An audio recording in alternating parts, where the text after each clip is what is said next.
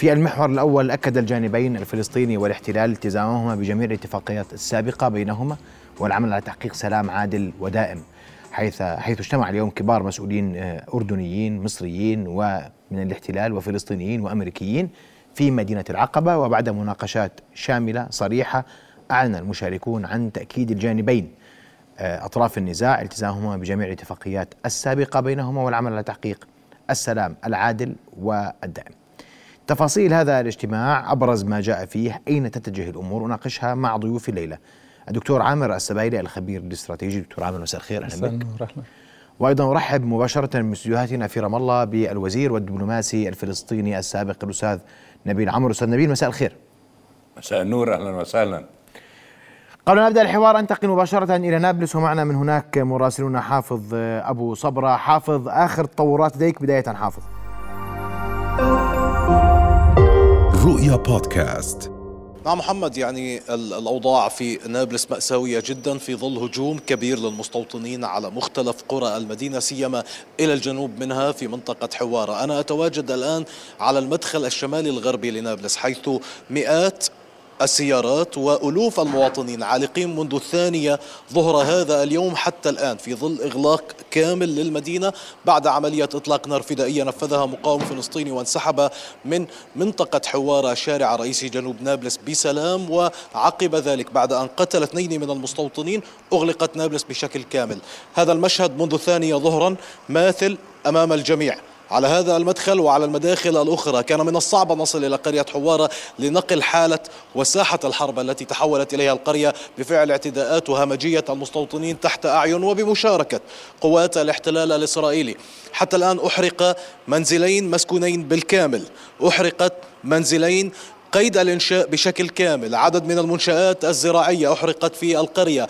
هجوم كبير للمستوطنين الذين خرجوا على المفترقات الرئيسية في محيط مدينة نابلس بعد عملية إطلاق النار الفدائية. الواقع كارثي جدا. العالقين داخل المدينة بالآلاف ممن لم يستطيعوا مغادرة نابلس عودة إلى منازلهم في مدن محيط نابلس شمال الضفة الغربية أو حتى إلى رام الله في وسط الضفة الغربية. هذا وسط استنفار كبير لقوات الاحتلال الإسرائيلي. منذ قليل وقبل أن نخرج على الهواء سيارة تزحلقت هنا على الشارع الرئيس حيث يتواجد الجيب الإسرائيلي وأنا كنت أقف إلى جانب الشارع. الجنود الخمسة في الصورة سحبوا آه، آه، آه، يعني أقسام أسلحتهم صوب السائق المركبة وكادوا أن يقتلوه لولا أن الجندي الذي في المقدمة علق سلاحه وإلا كان هناك شهيد فلسطيني جديد يضاف لقائمة الشهداء الذين أفرزتهم عمليات الإعدام الميدانية على الأرض من قبل قوات الاحتلال ومن قبل المستوطنين الذين قتلوا أربعة مواطنين فلسطينيين منذ مطلع العام الجاري. هذه ليلة ستكون حامية الوطيس. عنيفة جدا بحق المواطنين الفلسطينيين ويبدو أن اعتداءات المستوطنين ستستمر طيلة هذه الليلة. محمد. أشكرك حافظ. تبقى معنا الصورة مباشرة حيث أنت حافظ أبو صبرة مراسلنا من نابلس كل الشكر آه، لك. وأنتقل لك دكتور عامر. هذا يتزامن مع ما حدث اليوم من اجتماع في العقبة والنقطة الرئيسية الأولى التي ذكرها الاجتماع تم التوافق عليها الوصول إلى سلام عادل ودائم والتأكيد على الالتزام بخفض التصعيد على الأرض ومنع المزيد من العنف. هذا ما جاء في البيان المشترك. وجهة نظرك. يعني هو بلا شك آه، هذا البيان هو ما رغبت به الولايات المتحدة أولا آه، بجلب جميع الأطراف إلى هذه الجزئية. لكن هذا يضع على السلطة الفلسطينية وأجهزتها اليوم الدور الأكبر يعني أنت تنتقل إلى مواجهة فلسطينية فلسطينية. في النهاية اليوم إذا قلنا التنسيق الأمني وإيقافه والتهديد بإيقافه العودة له هذا يعني أن تكون أجهزة السلطة الفلسطينية اليوم في مواجهة هذه الأوضاع وبالتالي يعني أقل ضغط على الإسرائيلي و أكثر مواجهة فلسطينية فلسطينية. أعتقد أنه يجب أن يكون هناك حذر كبير في طبيعة التعاطي مع هذا الموضوع في هذه المرحلة لأنه يمكن أن يؤدي أيضا إلى مواجهات يعني أو صدامات نحن بغنى عنها في الداخل الفلسطيني. لكن أن نعود إلى الجزئية الأساسية أنك ترغب في وقف التصعيد. وقف التصعيد اليوم آه، يتطلب أيضا إجراءات إجراءات آه، على الأقل من هذه الحكومة الإسرائيلية أنه آه، موضوع التصعيد لم يبدأ به الفلسطينيين. الموضوع التصعيد اليوم وكل ما يجري وكل ما يلمح له هو خطير. يعني أنت تتحدث اليوم عن وضع كارثي قادم إذا ما استمرت هذه الرؤى أو هذه الحكومة التعديلات التي تمت وزارة أمن قومي ضابطة عدلية تتحدث عن محاولات ستكون حتمية لموضوع دم أراضي وتطبيق قانون إسرائيلي في على هذه الأراضي. أي أن والآن تتحدث أيضا عن إعدامات مباشرة لكل من آه، تتهمه بالقيام بعملية. أعتقد اليوم أننا أمام مشهد يعني آه، خطير في في هذه الزاوية، لابد من تقديم أيضا تنازلات سياسية ولابد من تقديم آه، خطوات على الأرض من هذه الحكومة قبل أن تحصل أيضا على موضوع عودة التنسيق الأمني أو على آه، دفع الفلسطينيين ليلعبوا دور أكبر في موضوع الحفاظ على الأمن، لأنه في النهاية المواجهة للأسف ستكون فلسطينية فلسطينية. نعم أسمع وجهة نظرك أستاذ نبيل بما جاء في الاجتماع وما رافق هذا الاجتماع من تصعيد على الأرض الفلسطينية. أستمع لك أستاذ نبيل وأسمع وجهة نظرك بالاتفاق المبدأ الأول التأكيد على احترام الاتفاقات من بين الطرفين. أيضا وقف البؤر الاستيطانية لمدة أربعة أشهر أو ستة أشهر. هذه اتفاقات تطبق في آذار في اجتماع في شرم الشيخ. وجهة نظرك. أنا في اعتقادي لنا تجربة آه، طويلة وذات مدلولات يجب تفهمها جيدا بين النص والتطبيق. إسرائيل متساهلة في النصوص أحيانا أو غالبا ولكن عندما نأخذ هذه النصوص لتطبيقها على الأرض تجد إسرائيل أكثر من باب للتهرب من تفسيراتنا نحن لهذه النصوص. الآن دعني أقول أن كلمة الالتزام بالسلام الدائم والعادل هو مفهوم السلام مختلف عليه بين الفلسطينيين والإسرائيليين. السلام الإسرائيلي تحدث عنه نتنياهو بصريح العبارة هو حكم إداري ذاتي آه، وليسميه الفلسطينيون إمبراطورية أن أحبوا مع سيطرة أمنية إسرائيلية إلى ما لا نهاية. هذه أول نقطة. طب كيف توفق بين النص الذي تم التوصل إليه وتطبيقه على الأرض؟ نأتي إلى الموضوع الأمني. الآن الآن بالضبط تصريحات القادة الإسرائيليين الذين يشكلون الائتلاف الحكومي ترفض ما حدث في العقبة. بعضهم سموتريش بيقول أنا معيش خبر وأنا وزير الاستيطان ما بديش أقرب على موضوع سيظل الاستيطان آه، ماشي في سبيله بنكفير كذلك وهكذا. لذلك أنا أرى أن الاتفاق على النص والترحيب بالنص شيء ونقله للتطبيق على الأرض شيء مختلف والأمر الآن آه، من حيث التطبيق أعتقد أننا سنواجه صعوبات كبيرة فيما هو قادم آه، من تحديات على الفلسطينيين وخصوصا وشهر رمضان على الأبواب وشهر رمضان مخيف بالنسبة للأمريكان وللإسرائيليين على أنه شهر التصعيد الذي لا سيطرة فيه لأي طرف. لكن أستاذ نبيل قلق الدكتور عامر آه، الواضح ان ان أن ينقلب الصراع إلى فلسطيني فلسطيني بهذا الاتفاق، هل ترى ذلك ممكنا؟ السلطة الفلسطينية والتنسيق الأمني وهذه الأمور اليوم مثار جدل ومثار تساؤل في الشارع الفلسطيني وفي الشارع العربي.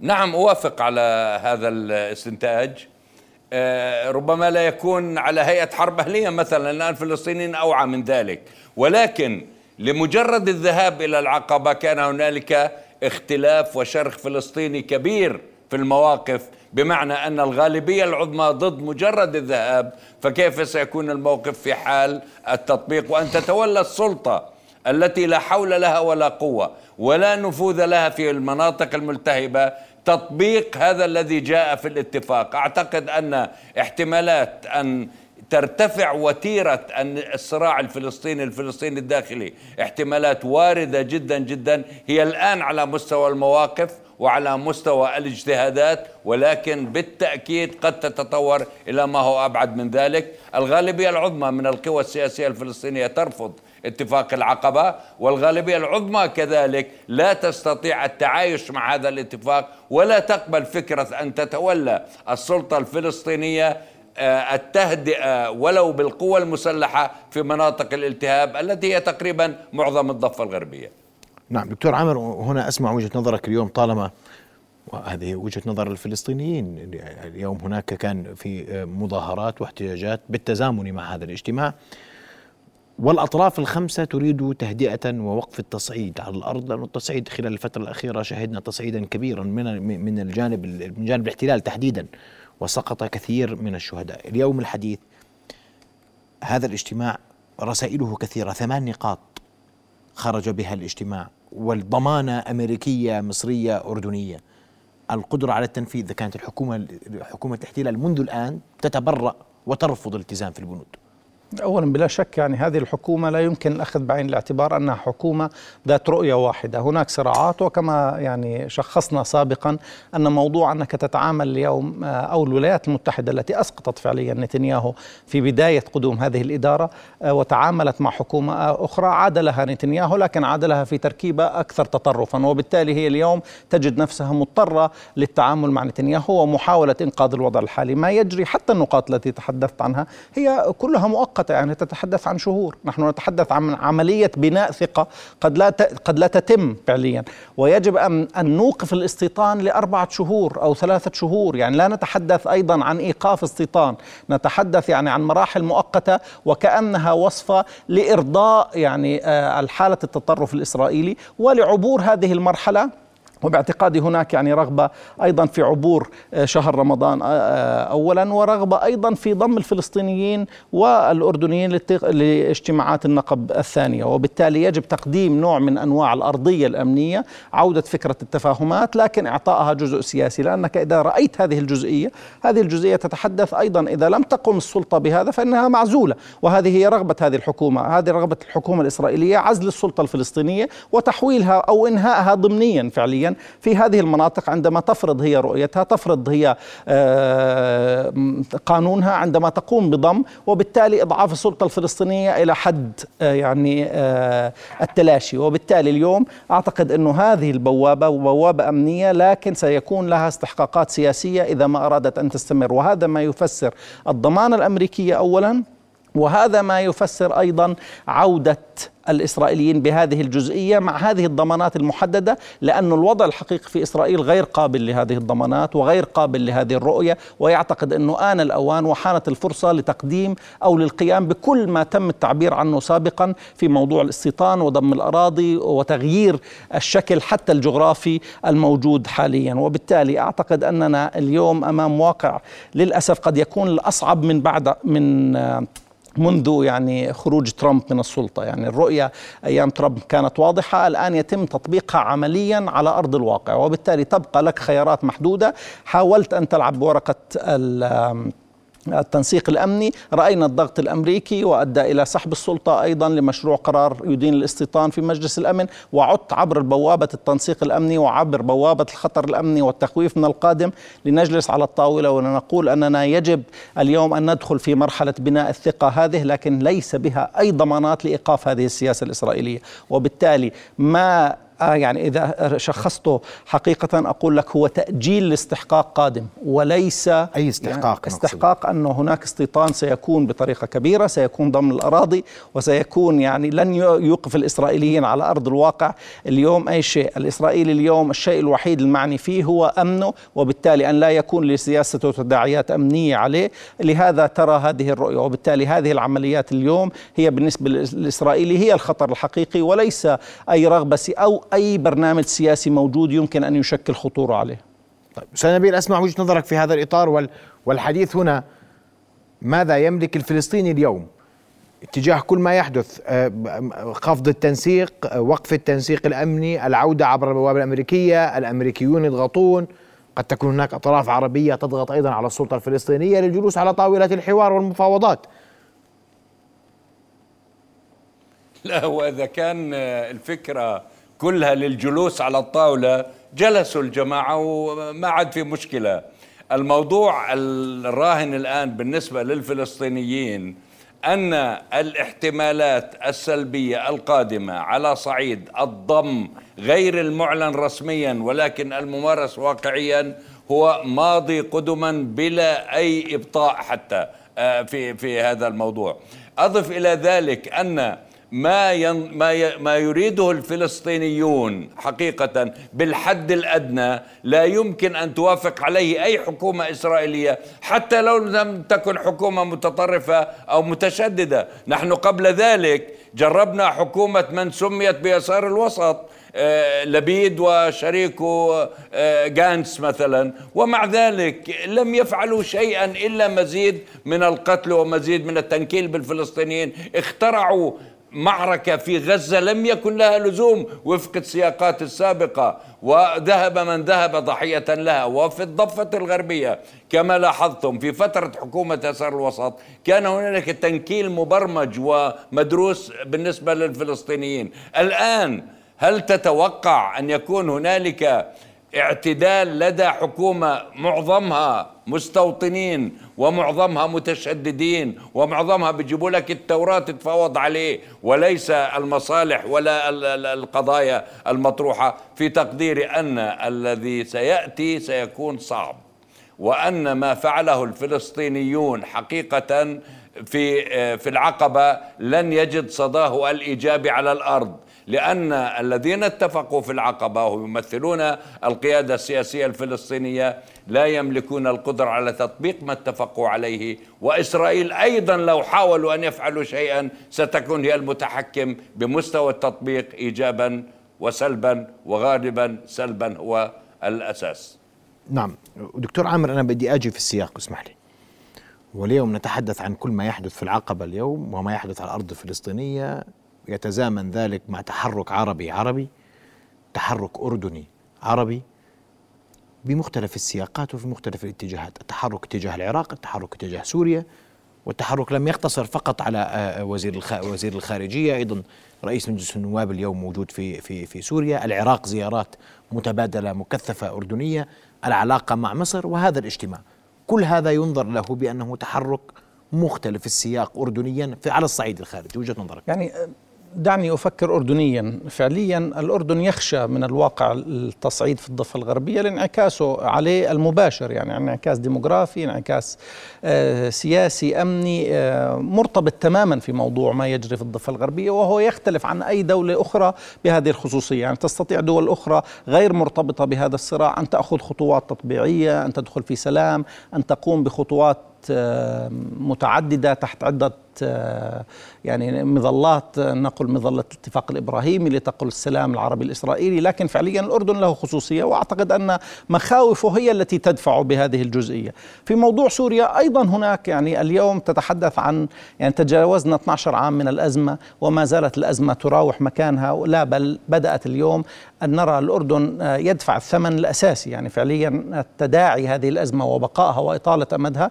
بدأنا نرى على المستوى الأمني أيضا عندما تتحدث عن ظهور ظاهرة المخدرات في المنطقة تهريب السلاح هذا الاستهداف يعني بعيدا عن القصص الطبيعية في موضوع إغلاق حدود وانعكاساتها الاقتصادية والوضع الديموغرافي المتشكل عنها. لهذا أعتقد يتحرك من باب الواقعية السياسية على هذه الجزئية لأن الأردن عانى في السنوات الماضية من موضوع يعني آه، الحدود المعطلة. فعليا حدوده مع سوريا معطلة مع العراق معطلة مع الضفة الغربية غير يعني ليس هناك أي والعلاقة أيضا مع السعودية التي تغيرت يعني في آه، شكلياتها آه، وديناميكياتها في السنوات الأخيرة. وبالتالي هو مضطر اليوم إلى إعادة تفعيل هذه الحدود عبر برنامج. البرنامج منه احتواء في موضوع الخطر القادم من الضفة الغربية أو تسويق رؤية آه، في موضوع سوريا. أنا أقول لك ليس هناك رؤية عربية متوافقة على سوريا إلى الآن. يعني ما زلنا نرى مواقف متشددة في الموضوع لكن هناك سعي لتشكيل لوبي عربي على الأقل يستطيع أن يضغط باتجاه إعادة سوريا على المستوى العربي ومن ثم نتحدث عن المستوى الدولي. لكن على المستوى الدولي ليس هناك قرار. لا بالولايات المتحدة مقتنعة في رفع العقوبات وقانون قيصر ولا مقتنعة في عملية تأهيل سياسي وحتى على المستوى الأوروبي غير موجود هذا. هذه الرؤية. لكن موضوع كيف نحل مشاكل الأردن هذا الذي يعني يسمح للأردن التحرك بهذه الزاوية سواء باتجاه العراق أو سواء باتجاه سوريا. لكن لا يمكن اليوم التعويل على مثل هذا الانفتاح أن يكون هو يعني مصدر لتغيير حقيقي بالنسبة للأردن وأنه سيكون له نتائج إيجابية سريعة على المستوى الاقتصادي وعلى المستوى السياسي لكن يبقى هو أحد المحاولات التي يجب اتخاذها في هذه المرحلة. لكن أعتقد أنه بحاجة إلى تغيير أيضا كبير في الذهنية الإيرانية وشكل التعاطي مع هذه الأزمات لأنه نحن نتعايش معها منذ سنوات طويلة. هناك تغيير كبير أيضا في المشهد السياسي في هذه الدول سواء على المستوى الخليجي بتغيير طريقة التفكير الخليجي في التعاطي مع دول المحيط أو, أو, أو الشركاء السابقين. على المستوى آه، مستوى سوريا أنت بحاجة إلى أيضا اليوم يعني البحث عن دون قرار أمريكي لا يمكن اليوم أن تحل المسألة السورية، نعم الخطوة الأولى قد تكون قرار عربي عودة سوريا كسر التابو السياسي في موضوع التعامل مع سوريا في موضوع الجامعة العربية وعودتها. قد يؤهلك لأن تستخدم هذه كورقة ضاغطة باتجاه إيجاد حلول على المستوى الأكبر. لكن أعتقد أنه موضوع العراق وموضوع سوريا سيبقى أيضا مرتبط في موضوع التصعيد على إيران. وأنت كما ترى حتى في ظل الزلزال قامت إسرائيل بقصف بأهداف إيرانية في سوريا وأهداف في الداخل الإيراني. كما نرى في الفترة الأخيرة أنه انتقلنا إلى معادلة استهداف إيران في الداخل الإيراني. الإيراني. هذا يفسر كثيرا أنه لا يمكن اليوم أن التوقع أن هناك حلول سياسية مع الطرفين مع العراق ومع سوريا في ظل هذا التصعيد. هذا التصعيد اليوم يختلف أيضا عن سابقه بأنه يلقى غطاء غطاء أمريكي أولا وغطاء أوروبي لأنه إيران اليوم يتم تصنيفها عدو للولايات المتحدة وعدو لحلف شمال الأطلسي بسبب انخراطها في الحرب الأوكرانية وموضوع آه، الطائرات بلا طيار وإلى آخره. وبالتالي سمحت أيضا لإسرائيل اليوم أن تستغل هذه الفرصة وتوسيع دائرة الاستهداف كما ترى. فبالتالي هذا المشهد كله في ظل أزمة معمقة اقتصادية في مصر آه، في لبنان آه، أوضاع بشكل عام مضطربة في كل المنطقة. لا أعتقد أننا يمكن أن نفكر بنتائج حقيقية وسريعة يعني أن تثمر أو أن نرى نتائجها لكن تبقى المحاولة اليوم مطلوبة. يبقى الأردن مضطر أيضا إلى تغيير أدبياته مضطر إلى الانفتاح على المشهد الفلسطيني السياسي بشكل كامل لأنك اليوم لا يجب أن تضع كل أوراقك في جهة واحدة. على المستوى العراقي هو في نفس الطريقة يجب أن يقوم بها بذلك. سأعود لك فيما يخص العراق وسوريا ولكن قبل ذلك أعود الأستاذ نبيل. والسؤال أستاذ نبيل أن السلطة اليوم بما تملك من أوراق أوراق محدودة إن صح التعبير. ليس ليس هناك ما تملك السلطة. وأمام استحقاقات كبيرة وأمام انقسام فلسطيني فلسطيني وأمام شارع فلسطيني ملتهب وشارع اليوم لا يتبع القيادة الفلسطينية إن صح التعبير على الأقل على الأرض. فماذا تملك السلطة للتعامل مع هذه المخرجات ومع ما سيكون على الأرض خلال الأيام المقبلة؟ الهوامش ضيقة للغاية بالنسبة للسلطة. ليس فقط بسبب إدارة الظهر الأمريكي لها كقوة سياسية تسعى إلى حل سياسي وإنما أيضا للوضع الداخلي الفلسطيني. وليس مشكلة الوضع الداخلي الفلسطيني هو الانقسام الحاصل الآن والمستمر والمتعمق بين الضفة وغزة بين فتح وحماس بل أيضا هنالك داخل كل قوة فلسطينية كم هائل من الانقسامات التي تعيق إمكانية التقدم ولو خطوات محدودة إلى الأمام. يعني خلينا أجيب لك نموذج. المؤسسات الفلسطينية لم تعد تعمل كما كانت في السابق وهذه أيضا مشكلة. إذا إذا ما أردنا بالفعل أن نضع أقدامنا بخطوات أولية للخروج من المأزق يجب أن يستعيد الفلسطينيون نظامهم السياسي أولاً. النظام السياسي القائم على الانتخابات القائم على عمل المؤسسات الذي ينتج سياسة وليس كما هو قائم الآن رد فعل ومجرد ارتجال. لذلك لا أنا أرى أن أساس ما هو قادم ومعركتنا طويلة لسه تسوية ما فيش راحت انتهت. الآن علينا لكي نحافظ على دورنا على قضيتنا الوطنية على وجودنا على حياتنا على صمودنا على أرضنا يجب أن نعيد النظر أولا وقلب كل شيء بالوضع الداخلي الفلسطيني فهو الأرض التي يقف عليها الصمود الوطني حتى لو أخذت عملية تسوية سنوات قادمة إلى الأمام. السلطة الفلسطينية مسؤولة عن ملايين البشر هنا. أن يظلوا يداروا بهذه الطريقة أعتقد أن هذا أمر غير مناسب. ما, ما, ما أفهم من كلامك برأيك؟ الشعب إلى نظام سياسي. طيب العودة لنظام سياسي ولكن هناك من يتساءل اليوم هل بقيت هناك عمليات سلام؟ هل بقي هناك شرعية لبقاء السلطة الوطنية الفلسطينية؟ شعبيا دوليا عربيا إقليميا هذه تساؤلات اليوم تطرح. عملية السلام هل هي موجودة اليوم؟ هذا التأكيد اليوم هل هو بث روح في جسد ميت عملية السلام أم أن هذا الجسد يملك نبضا خفيفا وممكن يرجع يقوم؟ تفضل.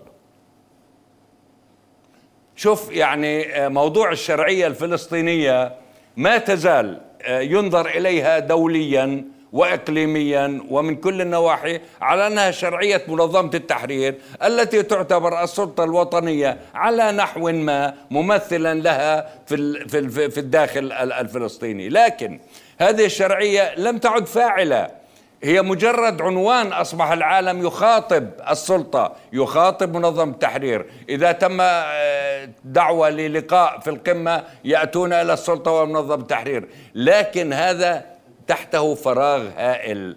القصة ليست شرعية من يعترف بك أو لا يعترف. القصة ما هي علاقة السلطة؟ ما هي علاقة منظمة التحرير بالشعب الفلسطيني؟ هنالك هو سحيقة بين الشعب الفلسطيني المليء بالاجتهادات المختلفة والتي كانت تحتويها في السابق منظمة التحرير الفلسطينية والسلطة الوطنية الآن التي كما تلاحظون وكما قلت أنت لا نفوذ لها بشكل متكامل على الأجزاء الأساسية من ما لديها من سلطات وفرتها أوسلو. وبالتالي أنا أرى أن الشرعية إن لم تحمى بنظام سياسي يرضى عنه الشعب. وينتج الشعب الفلسطيني وينتج سياسات تكون عديمة الجدوى إلا أنها تكون صالحة لكي تدعى أنت كطرف للحديث معك لا أكثر ولا أقل.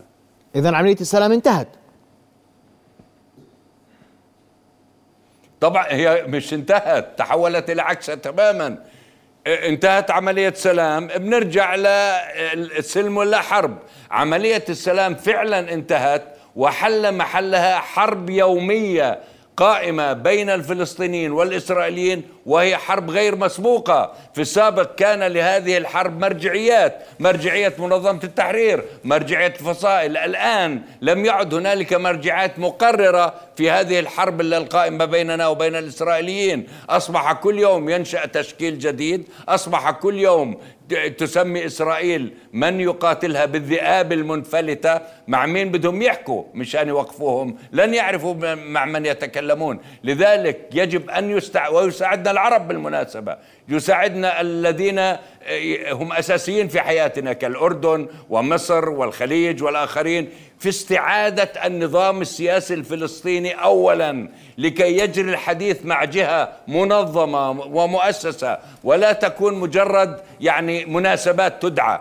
نعم. إذا ساعدونا في استعادة النظام السياسي الفلسطيني سيجدون من يتكلمون معه سواء باتجاه تهدئة أو بأي اتجاه آخر. أشكرك كل الشكر الوزير الدبلوماسي الفلسطيني السابق الأستاذ نبيل عمر كنت معنا مباشرة من رام الله. أشكر حضورك معنا الليلة. وسؤال أخير دكتور عامر وفي إطار أخير وأنا بحكي عن التحركات الأردنية الإقليمية والمشهد الإقليمي إلى أين يتجه بما فيه بما فيه القضية الفلسطينية وإطار قضية الحل. حل للقضية اليوم الأستاذ أبي عمر بيقول لك عملية السلام هذا أمر انتهى وانتهى وقته وزمانه والحديث عنه والأردن اليوم ينظر للقضية الفلسطينية العلاقة مع سوريا العلاقة مع العراق علاقات استراتيجية ورد الفعل السعودي الأخير على الأقل عبر منصات مواقع التواصل الاجتماعي كان ردا صارخا اتجاه رئيس مجلس النواب عشان نكون صريحين رغم رغم التهدئة من قبل رئيس مجلس النواب من قبل الأردنيين في هذا الإطار وأنه أخذ في غير مساقه ومجراه. يعني هو بلا شك المشهد كله مرتبك في المنطقة، لا يمكن التعويل كثيرا على سياسات آه، مرتبطة فقط بفكرة الدبلوماسية العامة يعني الزيارات اليوم على الأردن تفكير استراتيجيا يعني تفعيل واقعك الجغرافي يحتاج إلى رؤية. هذه الرؤية يجب تطبيقها ويجب بناء شراكات استراتيجية مربحة لجميع الأطراف.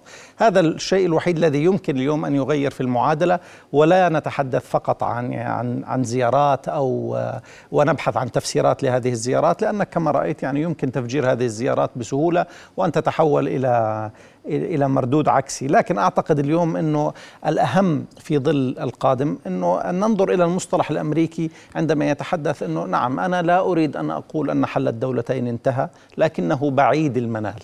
لكن في المقابل معادلة الاستحقاق على الأرض تقول أن الأمور تتغير وبالتالي ستأتي إدارة وتذهب إدارة وتأتي إدارة تتعامل دائما مع الأمر الواقع. الإسرائيلي في معادلة الوقت ومعادلة التقادم يقوم بتنفيذ كل ما يرغب به ويفرض الأمر الواقع. وبالتالي اليوم المشهد انظر يعني آه، في السنوات الأخيرة تتغير الأمور و تقل الاحتمالات وتقل الطموحات. يعني فبالنهاية نتحدث فقط عن جزئية تنسيق أمني. التنسيق الأمني هو عبارة عن وكالة أمنية شركة أمنية ليس نظام سياسي. وبالتالي إذا لم يكن هذا ضمن مشروع سياسي هناك مكتسبات حقيقية منه وهناك ضمانات وهناك وقف لممارسات أعتقد أنه سينتهي الأمر في فكرة يعني آه الإبقاء على الأمور كما هي والبدء في عملية تغيير يعني كما نرى يعني صغيرة لكن مستمرة وبالتالي في كل أربع سنوات تتغير إدارة أمريكية وتأتي. يعني اليوم ليس لهذه الإدارة لأنها إدارة ديمقراطية. جرأة أن تقول أن حل الدولتين انتهى هي تقول أنه بعيد المنال. لكن أي إدارة قادمة يعني لن تتحدث عن موضوع حتى السلام كما نرى الآن وتم توسيع الدائرة. كما ترى يعني في السنوات الأخيرة توسعت الدائرة. العلاقة مع الفلسطينيين بالنسبة للاسرائيلي لم تعد مجدية لأنه يحصل على السلام الأكبر بتوسيع دائرة السلام مع العرب أي السلام العربي. والآن تحت مظله اتفاق إبراهيمي هذا يعني أن الإسرائيلي غير مجبر على العودة إلى المسألة الفلسطينية لكن الواقع هو فلسطيني وبالتالي ما يجري الآن على الأرض في فلسطين هو الذي يدفع الإسرائيلي لمحاولة احتواء هذا المشهد. إذا هو رفع الكلفة الأمنية هو الذي يدفع الإسرائيلي اليوم لتغيير المعادلة على الأرض أو محاولة احتوائها. لكن سياسيا هو حسم أمره في علاقة العلاقة مع العرب بتوسيع الدائرة والاتفاق الإبراهيمي كمخرج من كل الالتزامات السابقة وبالتالي موضوع السلام مع الفلسطينيين الفلسطينيين كمبدأ يعني سياسي أعتقد أنه انتهى ولن تستطيع أي إدارة أمريكية أن تجلبه مرة أخرى على الطاولة. والأردن بتحركه العربي العربي المشترك اتجاه سوريا اتجاه العراق واتجاه دول الخليج العربي تعتقد أن لن تؤتي أكلها سريعا إن صح التعبير. لا هو مضطر أن يتحرك. قلنا يجب تفعيل كل هذا لكن, لكن أن, أن نتوقع أن هناك نتائج حجم الخلاف ما زال كبير ودول وازنة عربية ما زالت لها رؤية مختلفة وبالتالي لا نستطيع أن نقسم الصف العربي أكثر وأكثر ونتوقع أن يكون هناك نتائج. لن يكون هناك نتائج على الأرض لأن الإسرائيلي ليس له رادع حقيقي على الأرض. لن يكون هناك نتائج في موضوع سوريا إلا أن تغير الإدارة الأمريكية. الامريكيه وجهة نظرها من موضوع العقوبات وموضوع قانون قيصر وهذا يحتاج إلى جهد وأعتقد إنه يحتاج إلى وقت. فبالتالي مضطرين أن نتحرك لكن لا يجب أن يكون سقف طموحاتنا كبير بأننا قادرين على إحداث تغيير سريع. التغيير يمكن أن يتم لكن يحتاج إلى وقت ويحتاج إلى رؤية مختلفة وطريقة تشبيك مختلف مبني على فكرة المصالح المشتركة وليس فقط العلاقات العامة. نعم. أشكرك كل الشكر دكتور عامر السبايل الخبير الاستراتيجي على وجودك معنا ليلى. شكرا جزيلا لك. رؤيا بودكاست.